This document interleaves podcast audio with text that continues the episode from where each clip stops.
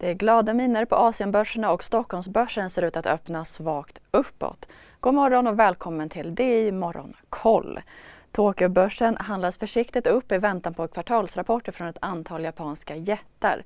En som har hunnit komma in nu under morgonen är fordonsjätten Toyota som redovisar ett sämre rörelseresultat än väntat andra kvartalet. Bolaget sänker också produktionsprognosen för helåret. Aktien tappar 2,5 procent på rapporten. Positivt humör råder även i Hongkong där Hang Seng-indexet lyfter 3% efter att ha avslutat oktober med en förlust på mer än 14% och sjönk till lägsta nivån sedan 2009. Uppgången stärks bland annat av uppgångar i kinesiska techjättar där Meituan lyfter 9% och Tencent 2 i fastlandskina stiger börserna i både Shanghai och Shenzhen med 1 vardera.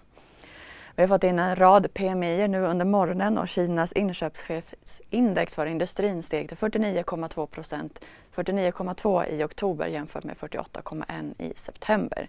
I Japan sjönk inköpschefsindex för tillverkningsindustrin till 50,7 i oktober från 50,8 i september enligt definitiva siffror. Och förra månaden överraskade Australiens centralbank när man höjde mindre än väntat. Idag blev det dock en höjning på 25 punkter vilket var i linje med förväntningarna. Över till USA. Efter en stark fredag föll de amerikanska börserna tillbaka igår och vid stängning visade breda S&P 500 minus 0,7 procent medan tekniktunga Nasdaq backade 1 procent. Dow Jones industriindex sjönk en halv procent men trots det lyckades industriindexet prestera sin bästa månad sedan 1976. Samtidigt föll tekniksektorn tillbaka där rapportraset fortsatte i Facebooks ägarbolag Meta som har rasat drygt 28 procent sedan rapporten förra veckan. Och imorgon kommer räntebeskedet från Federal Reserve där en höjning på 75 punkter väntas, vilket håller investerarna på helspänn. Cannabissektorn rusade efter signaler Hej, Ulf Kristersson här. På många sätt är det en mörk tid vi lever i. Men nu tar vi ett stort steg för att göra Sverige till en tryggare och säkrare plats. Sverige är nu medlem i Nato. En för alla, alla för en. om att kongressen är väldigt nära att få igenom ett lagförslag om lättnader för banker att erbjuda sina tjänster till cannabisbolag. Canopy Growth och Tilray rusade 19 respektive 12 procent. Och den volatila handeln i meme-aktier var tillbaka på igår. Exempelvis, exempelvis handlade småspararfavoriten GameStop som mest upp drygt 24 procent kort efter öppning. Men efter ett, ett handelsstopp föll aktien igen och stängde strax över nollan. Även biokedjan AMC var upp runt 11 procent i öppningen men dalade snabbt och stängde på plus 2,3 procent. Och Bed Bath and Beyond gjorde en snarlik resa upp till 9,5 procent innan den slutligen stängde på minus 0,4 procent. Och Elon Musks omstöpning av Twitter fortsätter.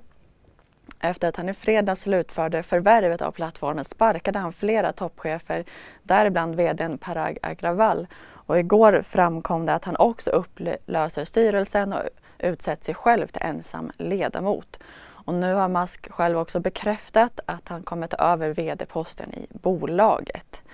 Så vi avslutar i Sverige där NCC är sist ut att rapportera bland byggbolagen och efter att övriga byggare rapporterat märks det tydligt att kriget i Ukraina påverkar bolagen ekonomiskt. NCC har vinstvarnat inför rapporten med sämre utveckling för asfaltsverksamheten och aktien har hittills nästan halverats i år.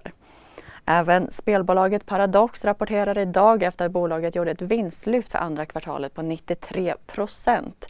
Bakgrunden till vinstökningen var, förutom stigande intäkter, minskade kostnader till följd av bolagets tidigare besparingsåtgärder och gynnsamma valutaeffekter.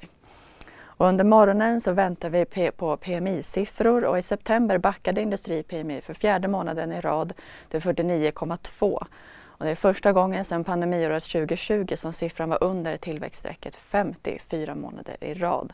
Så där får vi se om det har mattats av ytterligare.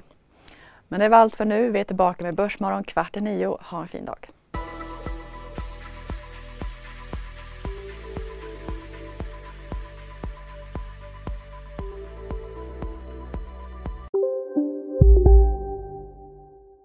Har du också valt att bli egen? Då är det viktigt att skaffa en bra företagsförsäkring. Hos oss är alla småföretag stora och inga frågor för små. Swedeas företagsförsäkring är anpassad för mindre företag och täcker även sånt som din hemförsäkring inte täcker. Gå in på swedea.se företag och jämför själv. Där det finns ett samhälle, där finns det brott. Krimrummet är podden som tar brottsligheten på allvar. Jag bjuder in landets ledande experter och tar upp aktuella rättegångsfall för att begripliggöra den kriminalitet som kryper allt närmare. Du, alltså, du kan knäcka ett eller några gäng, men det kommer komma nya och så kan vi knäcka dem sen. Men att du ska knäcka allt forever, det kommer aldrig ske. Det är infinite game. Lyssna på Krimrummet, en podd från Expressen med mig Kim Malmgren.